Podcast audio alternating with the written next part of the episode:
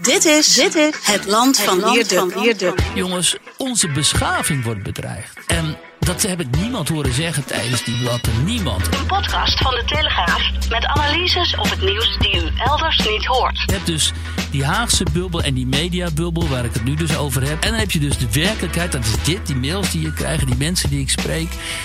Die een hele ingrijpende verandering eisen nu van de politiek. Met Wierduk en Kleis Jager. Dag Wiert. Kleis, Ja. op maandag. ja, op maandag ja, een extra podcast omdat we het willen hebben over iets belangrijks. Namelijk de mogelijke doorbraak van het nationalistisch populisme in Nederland. Oei. Ja, in de aanloop naar de verkiezingen van woensdag. Ja, Ja, want wat zagen wij eh, deze week gebeuren eigenlijk? Hè? En, nou ja, we gaan het erover hebben waarom dat dan. Wat de redenen daar dan voor zouden kunnen zijn. Dat is in ieder geval in één peiling van Maurice de Hond. Dat opeens de PVV omhoog schiet, de Partij van Wilders. En een gedeelde eerste plek inneemt nu in de peilingen. Met, althans in die peiling van Maurice. Op één, samen met ehm Dylan Jesselhus van de VVD. Althans, samen met de VVD zouden ze dan eh, 26 zetels halen. En eh, Pieter Omzicht die zou dan behoorlijk aan het zakken zijn naar 23 zetels. precies, eh, precies gelijk. Hè? Het is eh, min 5 en plus 5 voor Geert Wilders. Ja, daar komt het op neer inderdaad. En kijk, dit, peilingen zijn palingen zoals we weten. Alleen wij als journalist zijn natuurlijk veel op straat, spreken veel met mensen en eh, hebben veel contact met mensen en zo. Dit geluid hoorde ik sinds 7 oktober bij heel veel mensen klinken. Namelijk dat zij nu zeggen. Luister eens, ehm, we willen nu echt een radicale keuze gaan maken. En we gaan ehm, deze verkiezingen drempel over. En we gaan eh, op wilde stemmen. En toen heb ik ze een oproep gedaan, gewoon op sociale media. Van joh, eh, aan de mensen van. Als je voor het eerst op de PVV denkt te gaan stemmen en je gaat die drempel over, waarom doe je dat dan? En waaruit bestond die drempel? En waarom ben je nu bereid om ook niet anoniem, want meestal PV-stemmers wilden altijd anoniem blijven, hè, meestal als ze met je, met je in gesprek gingen op een enkele uitzondering na. Dus ik heb gezegd, ja, ik wil, dat, ik wil wel eens van jullie horen, maar dan eh, niet anoniem. En ik dacht, nou, ik krijg een reactie of 10, 15 of zo. Maar die mailbox die stroomde helemaal vol. Hoeveel eh, reacties? Nou, echt tientallen. En daarom dacht ik, weet je wat, we gaan er even in een eh, extra podcast daar eens over doordenken. Van wat is het nou? En dan, weet je, dan denk ik dat ik eerst even gewoon een paar, paar dingetjes moet voorlezen. Hè, dat mensen begrijpen met welke. ehm, ja, wat, wat voor maatschappelijke ontwikkeling eh, is, zien we nu eigenlijk? En dan nog onder het voorbehoud, weet je wel, het is helemaal niet gezegd dat die PVV de grootste partij gaat worden of zo. Ja, het wordt ook nog niet door andere peilingen bevestigd. Precies, dat is ook nog helemaal niet bevestigd. Maar toch denk ik dat we hier een nieuw fenomeen zien. Wat we destijds ook wel hebben gezien met die regelverkiezingen destijds met Forum voor Democratie. Toen dat zo'n enorme aanzuigende werking kreeg. Die hele, dat het momentum rond die partij. En dat toen Baudet de grootste werd. En onmiddellijk zichzelf in de voet schoot met die toespraak over de Alpha Minerva. Die niemand begreep. Weet je, en dan bijvoorbeeld hè. Dan heb ik hier iemand die zegt: eh, Kijk, ik heb hier eh, ik heb altijd eh, VVD gestemd. En eigenlijk voel ik mij een D66er. Maar nu met 7 oktober en met die oorlog in Gaza. zie ik niemand die het zo voor Israël opneemt als eh, de PVV. En al helemaal niet eh, in mijn eh, wereld van eh, de links-liberale of liberaal VVD D66. En daarom ga ik nu PVV stemmen. Er is iemand die zegt: ben 49 sinds partij. Oh, en het is een ander. Hè, sinds het bestaan van de Partij voor de Dieren heb ik altijd op die partij gestemd. En daarvoor een keer op de D66. Maar ik ga nu voor het eerst op wilde stemmen. Gewoon om een rechtskabinet af te dwingen. Ik ben echt geen racist. Ik ben gewoon ambtenaar bij justitie. Ik was altijd behoorlijk pro-EU. Maar ik vind het mondiaal alle kanten opgaan. En Wilders. Ik zie ook wel dat Wilders zijn uitspraken op zijn programmapunten. op veel punten niet eens mogelijk zijn. Ik wil ook helemaal niet dat hij het gevangenissysteem in Nederland bepaalt. Maar hij wel ambtenaar van justitie. Maar hij is wel iemand die op kan tegen de andere EU-leiders. En hij is ook bereid in Nederland hard in te grijpen. En hij zegt uh, ze. Het is mijn Turkse ex-notabene met wie ik een zoon heb... die mij vertelde dat hij Wilders ging stemmen... omdat Wilders het islamextremisme te veel vindt worden... en daartegen op wil treden. Ik ben echt niet tegen het geloof... want ik ken persoonlijk best veel moslims. Dat is ook niet de hoofdreden waarom ik Wilders stem. Maar het is wel een keer genoeg met het halfzachte gedoe in Nederland. Nou, zo iemand dus iemand anders bijvoorbeeld die schrijft. Deze wil wel anoniem trouwens blijven. Want die zegt: Ik voel me nog altijd. Ik ben gewoon nog altijd eigenlijk een D66er. En ik ben voor blauw, geel, paars gesminkte pieten.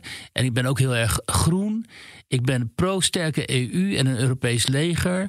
En ik sta helemaal op het standpunt ook van Rob de Wijk daarover. Maar ik ben alle leugens over de immigratie helemaal zat. En sinds 2013 volg ik uh, Jan van der Beek. Dat is die, uh, ja. die demograaf die wij ook regelmatig in de krant hebben. Hè. En ik geloof die politiek correcte verhalen gewoon niet meer. Er zijn veel te veel cijfers die tegenspreken dat het wel meevalt met de negatieve gevolgen van de emigratie. En daarom ga ik nu op uh, Wilders stemmen. Nou, er zitten ook een aantal uh, allochtone Turken en een enkele Marokkaan bij mij in die mails die ook zeggen: joh, het moet stoppen met die, uh, dat islamitische extremisme. Dat zijn dan dus seculiere allochtonen. Veel SP'ers ook. Hier zeggen iemand bijvoorbeeld: ik heb altijd SP gestemd, maar de cancelcultuur is van het internet verplaatst naar de gewone wereld. Um, ik pas dus wel op om in het openbaar te vertellen dat ik PVV ga stemmen. Ik heb wel een aantal keren geprobeerd in mijn milieu om vragen te stellen over de instroom van de islamitische asielzoekers. Die eigenlijk niet compatibel zijn met democratie. Nou ja, met een aantal keren zegt hij, bedoel ik twee keer. Ik ben er gelijk mee gestopt, want de discussie ging al snel helemaal de verkeerde kant op. Het is eigenlijk helemaal niet meer te doen met mijn linkse vrienden, die allemaal linksradicaal zijn geworden. En daarom ga ik uh, op, uh, niet meer op de SP stemmen, maar op Wilders. Nou ja, en dat, dat, dat gaat zomaar door, weet je wel. Ik, ik zal ondertussen nog even. Nou, hier een Turkse dame. Mijn naam is die. Ik ben geboren in Nederland. Mijn opa is in 1963 naar Nederland gekomen. Wilders is in haar ogen dan degene die zich het beste en het meest verzet tegen het islamisme en tegen de dreiging van de radicale islam. Ze schrijft: Ik was eerst altijd erg kritisch op de heer Wilders. Maar door de jaren heen begon ik te begrijpen dat hij eigenlijk gelijk, gelijk heeft. De afstand tussen buitenlanders en Nederlanders, zij zelf dus allochtoon. Het zal alleen maar groter worden en een punt bereiken waarop die niet langer kan worden gecompenseerd. En niet alleen voor mijzelf, maar ook namens de komende generaties ga ik daarom op wilde stemmen. Ja, weet je, kijk, het opzienbarende hier vind ik dat. Um, ik heb ook nog een aantal mensen in de mail trouwens die precies vanwege wilde standpunt over Israël besluiten om op hen te stemmen voor het eerst.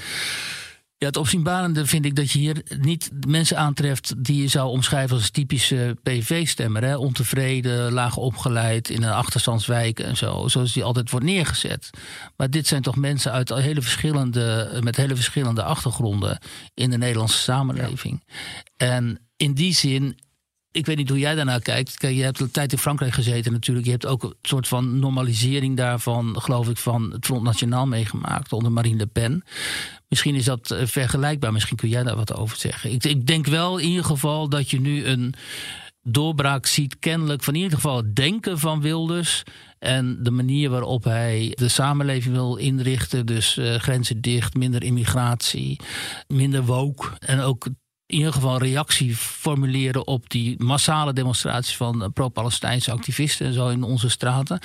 Dat dat in ieder geval de mainstream aan het bereiken is uh, nu. Althans, zo interpreteer ik dit. Nou ja, Marine Le Pen in Frankrijk die heeft nooit echt die, die doorbraak kunnen forceren naar, naar hoger opgeleide. Dat is, sociologisch gesproken is de, de aanhang van haar partij heel duidelijk, heeft een heel duidelijk profiel. Namelijk uh, ja, lager opgeleid en um, provinciaal, vaak ook ver van de stedelijke centra verwijderd. Ja. En, Beetje zoals de AFD in Duitsland eigenlijk.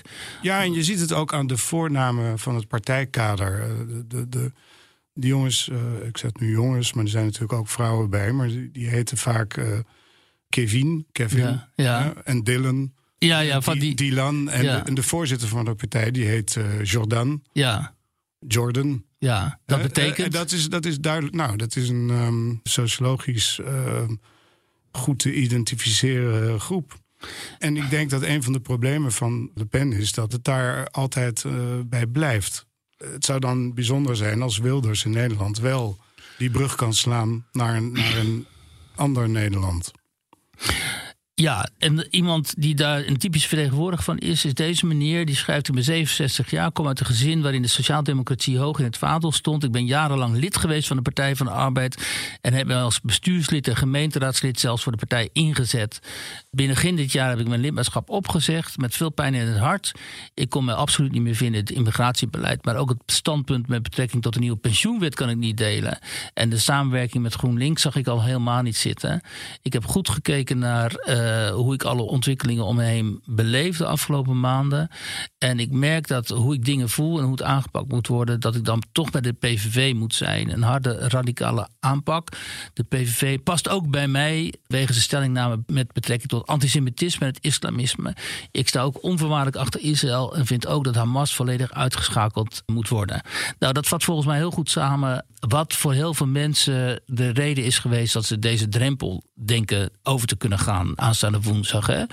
Dus die onvrede met de gevestigde orde, die gevestigde orde die maar niet uh, van de gevestigde partijen die maar geen uh, problemen oplost, maar alleen vooral problemen extra creëert, hè, zoals de stikstofkwestie en andere kwesties. Ja, en, en in die zin is het dus ook geen stem voor Wilders, maar zij zien dat geluid door niemand anders vertegenwoordigd. Als, als Timmermans het zou doen, dan zouden ze misschien op Timmermans stemmen. Maar... Ja, dat denk ik ook. En ik denk wel dat die oorlog in, van Israël tegen Hamas katalysator is geweest. Omdat ze daar hebben gezien dat toch met name Wilders, die natuurlijk altijd al een uitgesproken pro-Israël standpunt heeft, uh, zich hier ook heel duidelijk heeft uh, gemanifesteerd.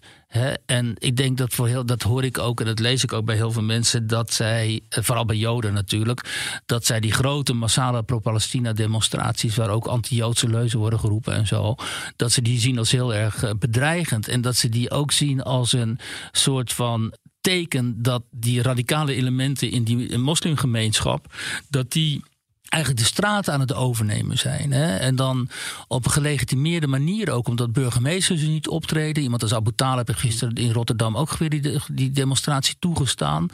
Dat die types ook in partijen als Denk en ook in Bijeen en zo ook een soort politieke zuil hebben. Ja. Als je nu ziet hoe, hoe de mensen van Denk, wat die over Israël en Palestina zeggen, ja, dat is gewoon, het grenst aan Hamas-propaganda af en toe.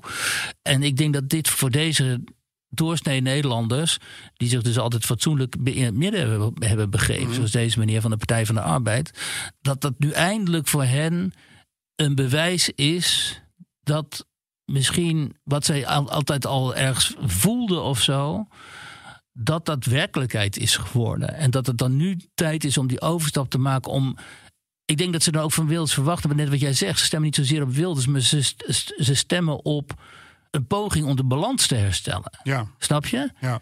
En ze zien dat dat van die andere partij niet gaat komen. Omdat ja, Omtzigt die heeft zich natuurlijk de afgelopen weken helemaal vastgeluld in allerlei ambtelijk en technisch gedoe. Hè?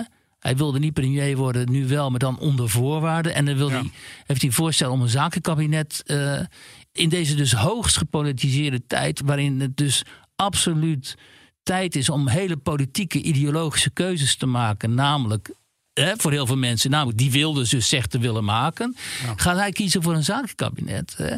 Dat vind ik dus ook persoonlijk onbegrijpelijk. Dat je niet begrijpt dat in deze maatschappelijke constellatie, die zo explosief is, dat de mensen niet aan jou vragen om een of andere uh, knappe kop van uh, de minister van Economische Zaken ergens neer te zetten of een gezondheidsexpert of zo, maar dat mensen willen dat de richting wordt gegeven aan het land.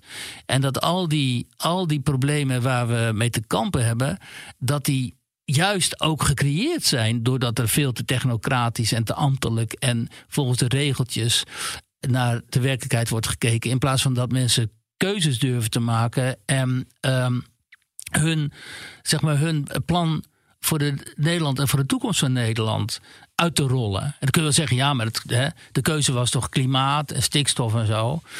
Ja, maar dat zijn nu net de keuzes waar een grote meerderheid helemaal niet op zit te wachten. Ja, want uh, hoe weten we dat eigenlijk? Er zijn onderzoeken waaruit je, waaraan je kan aflezen wat de grootste zorgen zijn van de Nederlanders. Ja. Dan staat klimaat toch wel een stuk lager klimaat staat ergens op tien of zo, toch? Ja. Ik heb gisteren weer zo'n lijstje gezien en dan zie je dus zorg is van belang en dan uh, weet ik veel onderwijs en dan op drie staat gewoon normen en waarden. En normen en waarden, dat is dan een hele simpele omschrijving voor van geef ons een fatsoenlijk, beschaafd Nederland terug dat wij ooit kenden. En dat nu aan alle kanten, volgens deze mensen ook lees ik in die mails, aan alle kanten wordt ondermijnd door invloeden die eigenlijk haak staan op de afspraken die wij hier hadden gemaakt toen we van Nederland een hoogbeschaafde verzorgingsmaatschappij hadden gemaakt. Ja, dus dat is toch een enorme inschattingsfout van Timmermans. Dat je denkt dat je steeds over je kleinkinderen moet beginnen en de wereld die je nalaat. En, uh, dat is onvoorstelbaar, ja. Dat, dat, dat, dat, ze daar dat Met niet, een traan in zijn oog. Ja, maar dat ze daar dat niet zien. Wat er echt speelt, wat mensen echt bezig Nou, ik, ja, daar, daar verbaas ik mij natuurlijk ook over. En het is dus helemaal die Haagse bubbel. En ik had verwacht van Omtzigt dat hij daar niet zozeer deel van uit zou maken. Maar het blijkt dat hij daar dus ook heel erg deel van is. Omdat die hele hervormingsagenda van hem is eigenlijk gericht op het hervormen daarvan. In plaats van op het aansluiten ja. werkelijk bij wat er maatschappelijk leeft en bij. Ja, het is technisch. Het is allemaal technisch. technisch uh, verhaal. En hij durft geen, uh, geen harde keuzes te maken. En dan. Maar als je die bommenbubbel. Toen, toen ik hier naartoe reed vanochtend, luisterde ik natuurlijk weer naar Radio 1. En dan heb je dat programma. Uh, Zo'n mediaprogramma en zo. Er zitten dan wat mensen uit de media. En die hebben. Ja, dat is ook zo'n bubbel. Die hebben gewoon echt geen idee. En die prijzen dan een of ander programma daar zitten dan mensen aan de linkerkant tegenover mensen aan de rechterkant. En aan de linkerkant wordt dat wordt dan een team wordt dan geleid door Hanneke Groenteman. Ja. Weet je, dan denk je, oké, zet dan gewoon een modern, jong iemand daar neer, weet je wel, aan wie je ook gewoon de pest kunt hebben, maar die dan wel gewoon een jonge generatie vertegenwoordigt. Nee, Hanneke Groenteman. En aan de rechterkant zit dan Rutger Kastrikum, en ik meen ook met de uh, oud uh, hoofdredacteur van Telegraaf, Jules Paradijs en zo. Mm. Um, maar dat is gewoon een virtuele wereld. Want Rutger en, en die zijn helemaal niet rechts natuurlijk. En die vertegenwoordigen ook helemaal niet het sentiment van die mensen die mij nu, nu mailen. Dus je hebt dus die Haagse bubbel en die mediabubbel, waar ik het nu dus over heb. En die mensen die dan over die, uit de media komen en over die mediabubbel praten. En dit soort programma's gaan prijzen. Want dat, dit sluit dan heel goed aan bij de samenleving en zo. En dan heb je dus de werkelijkheid, dat is dit, die mails die je krijgt en die mensen die ik spreek. Die een hele ingrijpende verandering eisen nu van de politiek en van de kant die het land opgaat en zo. Ja. En dat zijn totaal verschillende werelden. En ik snap wel dat zij dat deze mensen denken: Wils voelt ons wel aan. Die snapt wat wij bedoelen. En er zijn natuurlijk ook nog heel veel mensen die zijn dan zeg maar die rabbit hole ingegaan. Die zijn nog veel verder af. Die zijn eigenlijk afgegleden. En die hopen dan nog altijd op Baudet, weet je wel. Die zeggen, mm. Ik zie ook mensen die zeggen: ja. maar al die peilingen, allemaal onzin. Baudet gaat de grootste partij worden en zo, weet je wel. Maar dat is uit een soort radeloosheid van niemand luistert echt naar ons. Wat, zoals wij, onze analyses, onze blik op de werkelijkheid, die wordt door helemaal niemand uitgedrukt in de politiek. Maar, maar Baudet doet het toch nog wel. En, en die mensen kunnen dan helemaal niet meer begrijpen dat ze met een kleine groep zijn van rond vier, vijf zetels. Die denken, heel Nederland denkt toch eigenlijk zo, hè? omdat hun vriendengroep dan zo denkt en zo. Um, maar dat is natuurlijk niet het geval. Uh, maar een heel groot deel denkt dus wel inmiddels zoals de PVV-urs en de PVV-politici. Uh, ja, en dat ondanks denken. die ongrondwettelijke standpunten van Wilders. Hè? Want Daar wilde ik naartoe. Koran verbieden, ja. moskeeën sluiten. Uh, we weten natuurlijk allemaal dat dat. Uh... Nou ja, dat is dus interessant hieraan. Maar dat wil ik net zeggen. Ondanks dus dat het gewoon een partij is zonder leden, wat heel bedenkelijk is. En dat er dus inderdaad uh, standpunten inneemt. Waar, wat de reden is voor omzicht om te zeggen: wij met NSC die gaan niet met hem in zee.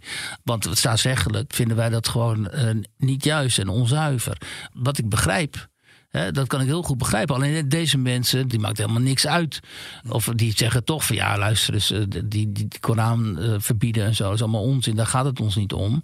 Het gaat ons om, uh, om hele andere dingen. Namelijk gewoon in ieder geval de erkenning dat we een probleem hebben met integratie en met de, de politieke islam in Nederland. En ook de erkenning dat het toch wel heel erg intimiderend is als je zulke grote groepen, in principe pro-Hamas-fans, onze straten ziet opgaan in deze tijden.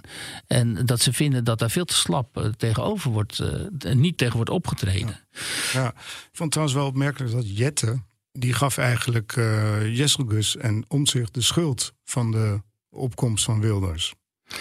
Die zegt van ja, het ligt eigenlijk omdat zij min of meer wat toenadering zochten op een bepaald moment in de campagne. Ja. Ja, klopt. Uh, dat, dat, dat wordt nu natuurlijk uitgespeeld. Zo van, uh, Jessica had op een gegeven moment gezegd van ja, we gaan niemand uitsluiten. Dus ook de PVV niet, daar kwam het op neer. Ja. En dan, ja, de, de, de, de, normalisering van de PVV zal dan aan hen uh, te ja. wijten zijn. Ja. Maar ja, zo ga je... Miskenning van die onderstroom. Dat is dus weer puur die reflex van, weet je wat, die onderstroom die is er wel, maar die gaan wij gewoon ontkennen, want we doen net alsof hij niet bestaat. En dan gaat hij ook wel weg. Wat natuurlijk, uh, en dat hebben ze jaren gedaan. En ze hebben onderschat uh, hoe groot en hoe, hoe zeg maar. Uh, hoeveel bereik die onderstroom nog kan, kan krijgen. En ze hebben ook hun eigen bereik overschat. Omdat je kijkt nu naar die, als je kijkt naar die linkse partijen in de peilingen, ja, dan staan ze maar op een heel gering aantal zetels natuurlijk.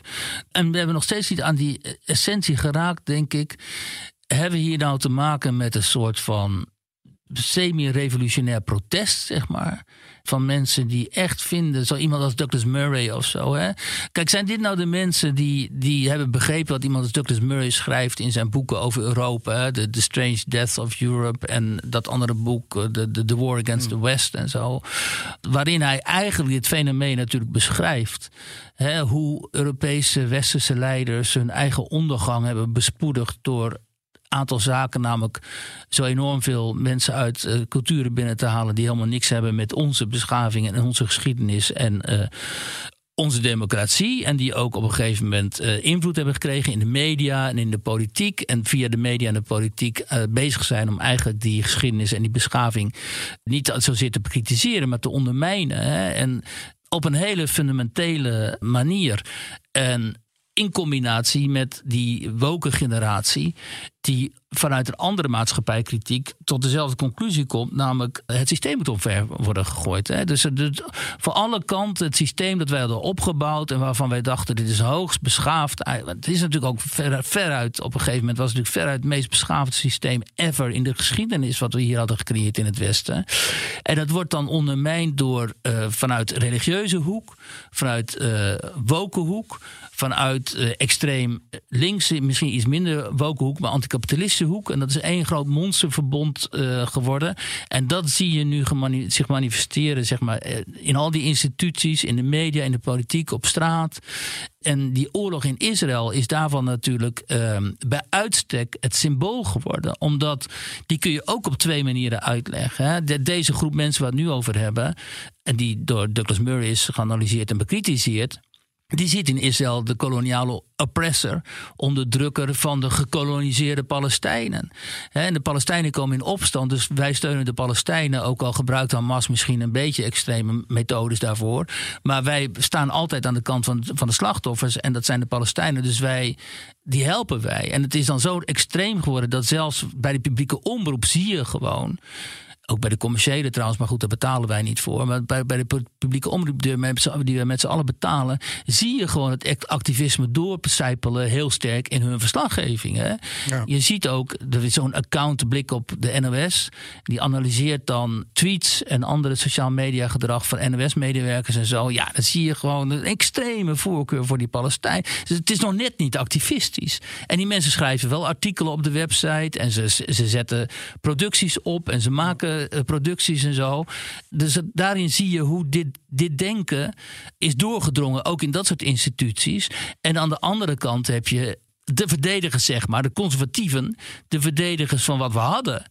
En daarin wordt Israël gezien, ondanks al zijn tekortkomingen en ondanks die idiote ultrarechtse types in de regeringen en ondanks Netanyahu's corrupte gedrag en zo, wordt Israël natuurlijk gezien als de voorpost, de vooruitgeschoven post van ons, van het Westen, van die westerse beschaving ook. Ja. En dan, dan zie je dus in alles dat zelfs in de manier waarop gereageerd wordt door de door de nabestaanden van doden. Hè? De, in, de, de ingetogen manier waarop dan, als je naar die filmpjes kijkt, waarop je die Israëli's ziet, hoe ze hun kinderen die zijn vermoord door Hamas uh, begraven.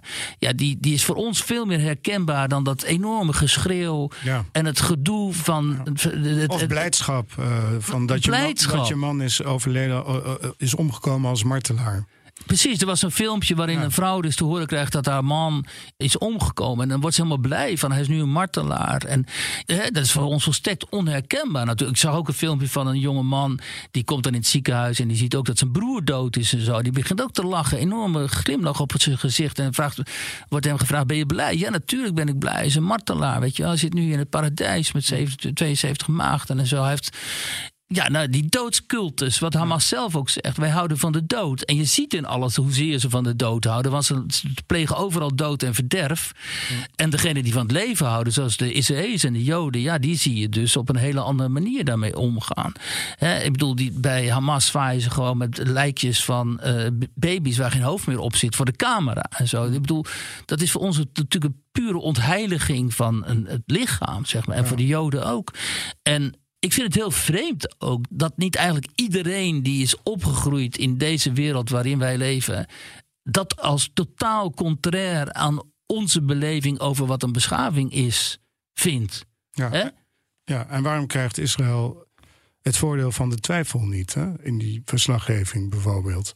Nou, dat is inderdaad ongelooflijk. Het dat moet- ziekenhuis is weer een goed voorbeeld. Dat El Shifa ziekenhuis. Ja, dat blijkt natuurlijk nu dat er wel tunnels zijn, dat er, dat er wapens zijn, dat er gijzelaars zijn. We hebben nu filmpjes gezien van hoe gijzelaars, gegijzelden daar binnen werden geloodst. Hè? Ja, Ja. maar het werd eerst niet eh geloofd. Nou ja, nog erger. Kijk, die, die Israëlische berichtgeving wordt dus permanent inderdaad gewantrouwd. Terwijl die van Hamas, wat dus een terreurgroep is, Ja. rechtstreeks wordt overgenomen. Hè. Dat waren die grote blunders eh, toen eh, Israël zogenaamd het Al-Shifa ziekenhuis had gebombardeerd. 500 doden, vreselijke catastrofe en zo, tragedie. En NOS en NRC Volkskrant en zo namen het onmiddellijk over. Terwijl die berichtgeving kwam dus van Hamas Ja. vreselijk slecht. Nu zijn er dus filmpjes waarop je ziet dat gegijzelden in dat ziekenhuis worden binnengeduwd, zeg maar. Hè? Dus dat daar het ziekenhuis dus inderdaad als terreurbasis eh, gold. En dan zijn er mensen die zeggen, ja, wat is er... Als je ten Broeke, columniste van de Volkskrant, die schrijft dan... waarom moet ik mij uitspreken over een filmpje waarop te zien is... hoe mensen een ziekenhuis worden binnengeleid Om te worden verzorgd. om te worden verzorgd Ja, ja, dat is verbijsterend. daar heb je dus mee te maken. Hè? En zeg maar, Nederlanders met gezond verstand, die mij mailen, met wie ik spreek en zo, die zien het natuurlijk ook. En die kunnen misschien niet altijd dat in een context plaatsen. Want als jij gewoon een drukke baan hebt en zo. en bezig bent en zo met, eh, met andere dingen. dan kun je niet al die boeken lezen. En je kunt je niet zo'n een, een beeld vormen van de geschiedenis. En, en van de huidige werkelijkheid zoals wij dat kunnen. Maar ze voelen natuurlijk op een klompen aan. hier klopt iets niet. Hier gaat iets in, existentieel in. tegen wie wij dachten te zijn. En dan, dan halen ze allemaal voorbeelden bij. En sommige mensen halen nog altijd het voorbeeld van Zwarte Piet erbij. En zo. Ze zijn altijd, nog altijd boos over dat Zwarte Piet moet verdwijnen. Want dat is voor hun. Ja, wat hen het meeste raakt. Dat Zwarte Piet was voor hun dan eigenlijk gewoon bij uitstek het symbool van die Nederlandse harmonie of zo. Dat kinderfeest, weet je wel. Niemand deed er moeilijk over. Iedereen was blij. Kinderen blij. Jouw kinderen blij. Gezellig naar die, naar die inkomst van, van Sinterklaas. Sinterklaas was belangrijker dan het kerstfeest. Weet je wel. Bij uitstek Nederlandse traditie, die door een stelletje schreeuwers, die niet eens hier vandaan komen. Die ene gozer die komt uit Ghana, weet ik veel wat en zo. Die hebben be- besloten dat het racisme moet zijn. Een stelletje schreeuwers, die zijn heel hard geroepen. En die, en die in de Nederlandse samenleving, wat eigenlijk een soort granieten blok had moeten zijn. van eh, mensen die die traditie willen verdedigen. En niet vanuit racistische motieven, maar gewoon van dit is wie wij zijn. Verkruimelde gewoon boem in één keer, weet je wel. En dat zien ze natuurlijk. En daar worden ze onzeker door. Dus daar zijn ze al onzeker door gemaakt. Van hoe kunnen wij zo snel dat soort tradities gewoon weggeven? Hè? Eh, Op een enkel dorpje in Friesland na. Je kent het wel, Asterix en Obelix. En dat wordt dan meestal is dan Jannie Douwes daar de baas. Harkema en zo. Maar de rest geeft gewoon op, gaat onmiddellijk op zijn rug liggen. En dat zie je dus ook met die demonstraties van die pro-Palestijnen. of, eh, Wat eigenlijk gewoon voor een deel pro-Hamas aanhang zijn. Hè. Die mogen gewoon in de grote steden protesteren. En de burgemeesters van wie wij dachten... kijk nou, die Abu Talib en Marcouch... kijk eens hoe goed ze, ge- ze geïntegreerd zijn. En hoe goed zij onze normen en waarden geïnternaliseerd hebben. Die blijken opeens eh, voor die andere partij te kiezen. En ook dat maakt natuurlijk krankzinnig onzeker. Dan denk je, wacht eens even, zijn het dan toch wolven in schaapskleren? En wie zijn die lui van Denk precies? En wat gebeurt er precies in die moskeeën? En wat, wat hebben ze eigenlijk met ons voor? En, wat willen, en als je dan inderdaad de uitspraken van die mensen leest... en je volgt hun, zeg maar, hun vooruitgeschoven posten op de sociale media... zoals dat, die, die columnisten van Trouw en zo, die, die Emine... ja, dan wordt natuurlijk duidelijk dat ze een heel ander maatschappijbeeld hebben... dan wat hier toch ook tijdens de, de, de waarover hier consensus bestond we waren wel compleet verdeeld in zuilen en zo. En uh, geïnformeerde katholieken, socialisten en zo. Ja, dat, dat leefde allemaal langs elkaar heen. Maar er was wel heel duidelijk een consensus over wat Nederland was. Wat Nederland moet zijn. En die consensus is gewoon ondermijnd. En die is niet ondermijnd door per se mensen die hier een geschiedenis hebben in dit land. En die hier generaties wonen.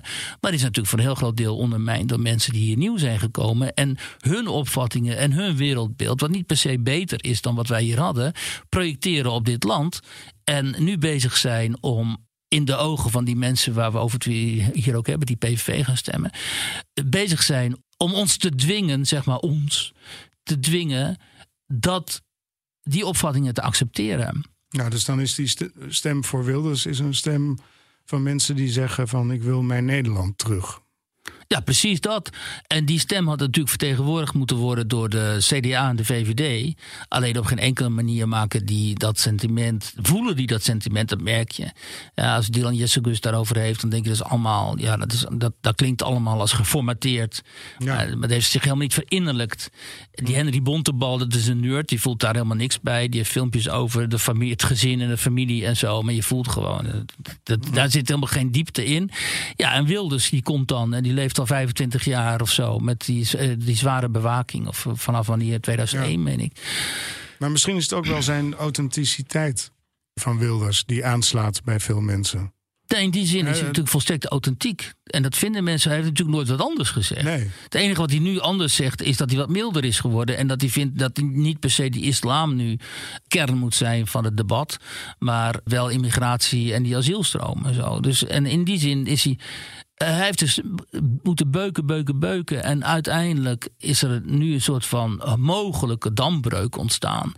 Waardoor ook mensen die zo teleurgesteld zijn geraakt in, nou ja, zelfs de SP, ik heb het net voorgelezen. Mhm. Maar vooral in VVD, CDA en zo, besluiten: oké, met wat ik nu heb gezien, ga ik nu toch die overstap maken naar de PVV. En dat is echt voor in de psychologie van heel veel mensen een enorme drempel. Hè?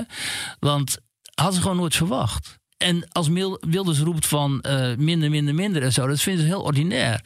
En ze vinden ook dat hij zich af en toe inzet in de Kamer en zo. Dat vinden ze allemaal helemaal niet fijn, die retoriek, weet je wel. Dat is, ja, is toch onfatsoenlijk en onbeschaamd. Zo zijn we, hè, zo zijn we nou ook weer niet getrouwd, weet je wel. En toch gaan ze dan op hem stemmen. Dus moet je je voorstellen hoe enorm urgent dat gevoel bij die mensen is. Ja, en dat misschien om, want het succes van populisten is wel vaker op die manier geduid. Hè, dat kiezers op die manier de elite willen corrigeren. Ze zijn niet zozeer voor Wilders, voor Le Pen.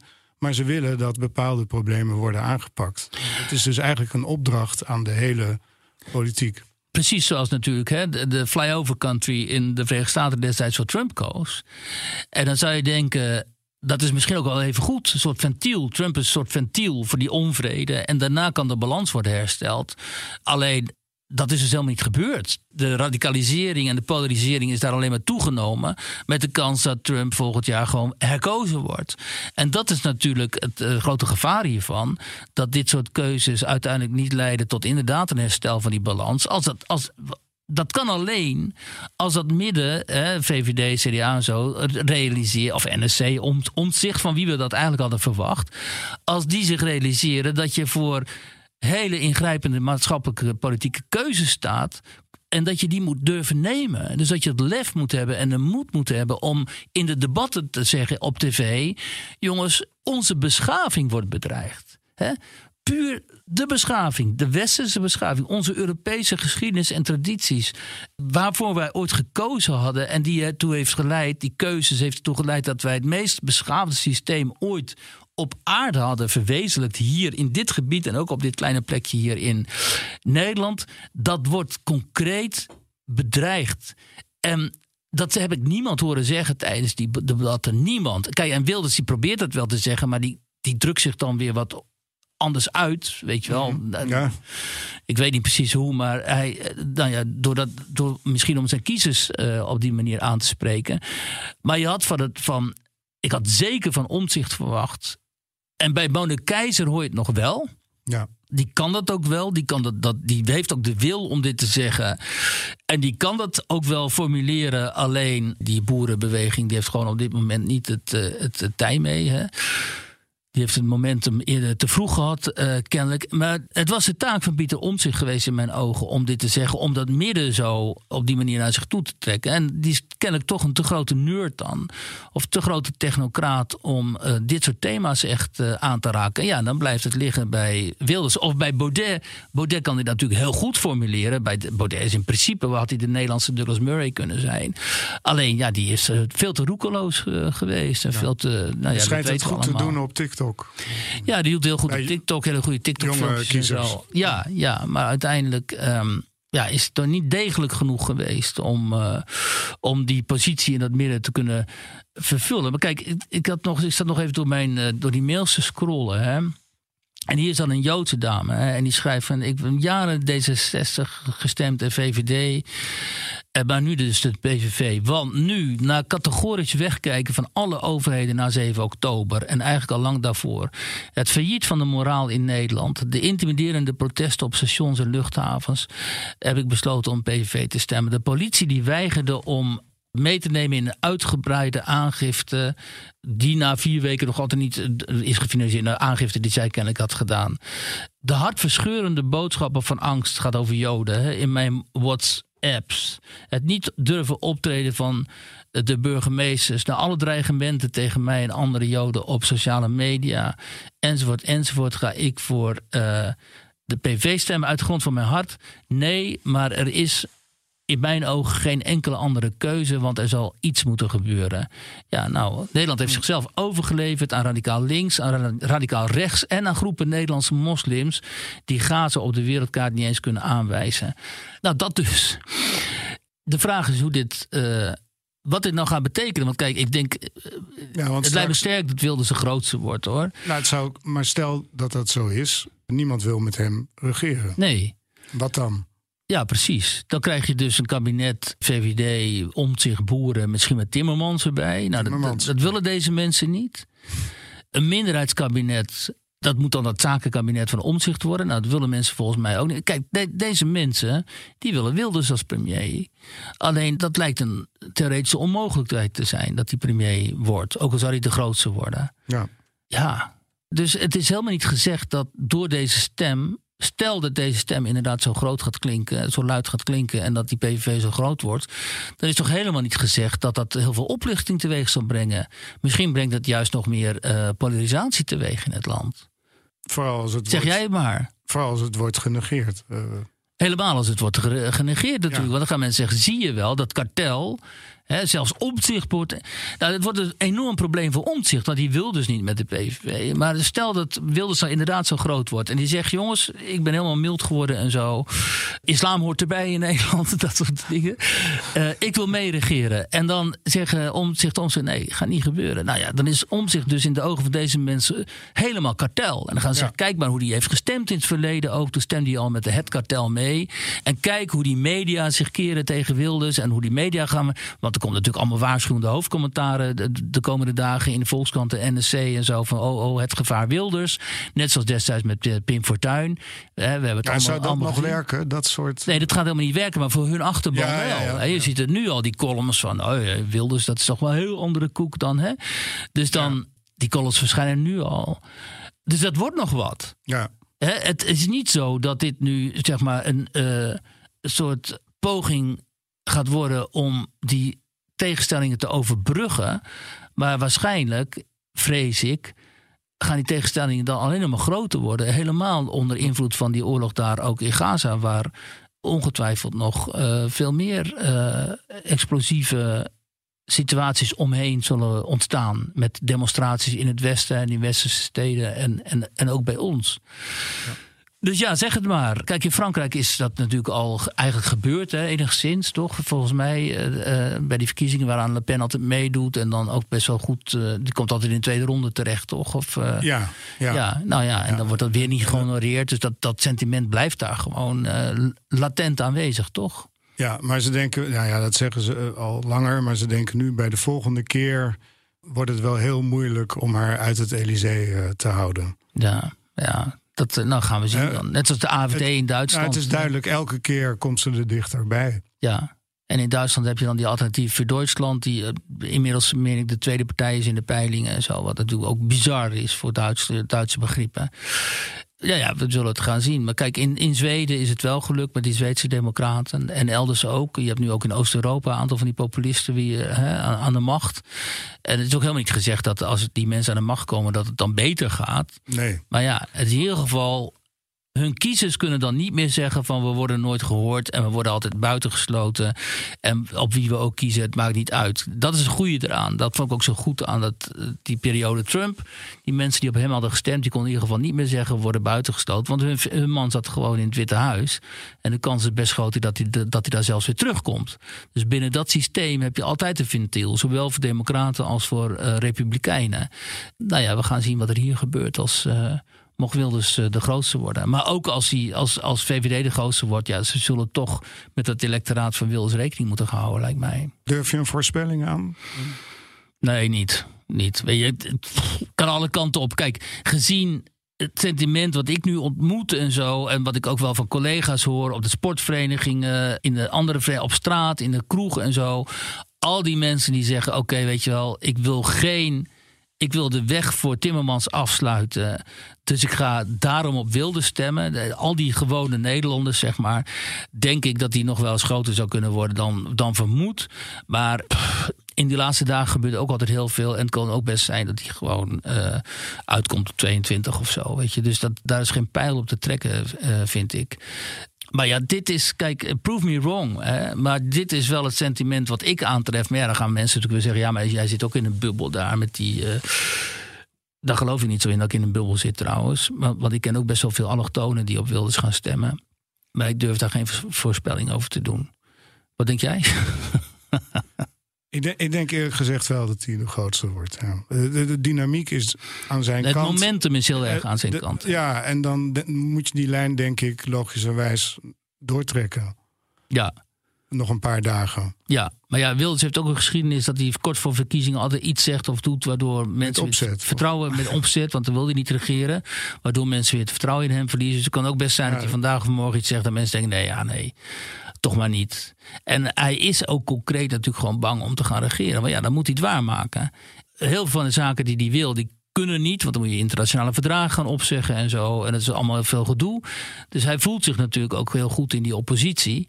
Maar nu is eigenlijk, deze mensen zeggen nu, zijn electoraat zegt, je moet nu gaan regeren. Het is nu of nooit. Dus er staat ook heel veel druk op hem en ja. uh, mensen om hem heen. Niet goed voor het Nederlandse bedrijfsleven. In, uh veel islamitische landen. Nee, die, moeten dan met, uh, die komen dan met premier Wilders nou op bezoek. En die heeft dan een enorm cordon aan beveiliging om zich heen en zo. En dan komen ze naar die islamitische landen om zaken te doen. Maar ja, weet je, je kent die Arabieren, maakt ze geen moer uit hoor. Als ze maar uh, gewoon zaken kunnen doen. En dat zul je zien, dan kunnen ze vaak nog beter zaken doen met types als Wilders. Dan met mensen als Rutte, die ze niet zoveel niet zo respecteren en zo. Omdat die met alle winden meewaaien. Weet je, zo gaat het in die wereld. Dat weet jij zelf ook. Dus, uh, en zijn ze wel blij dat juist iemand als Wilders gewoon zegt van joh, Hamas moeten we uitroeien en zo. Want dat vinden zij ook. Ja. Dus uh, ja. Nou ja, we gaan het zien, uh, Kleis. Dankjewel voor ja. deze interessante podcast. ja, dankjewel. Thank you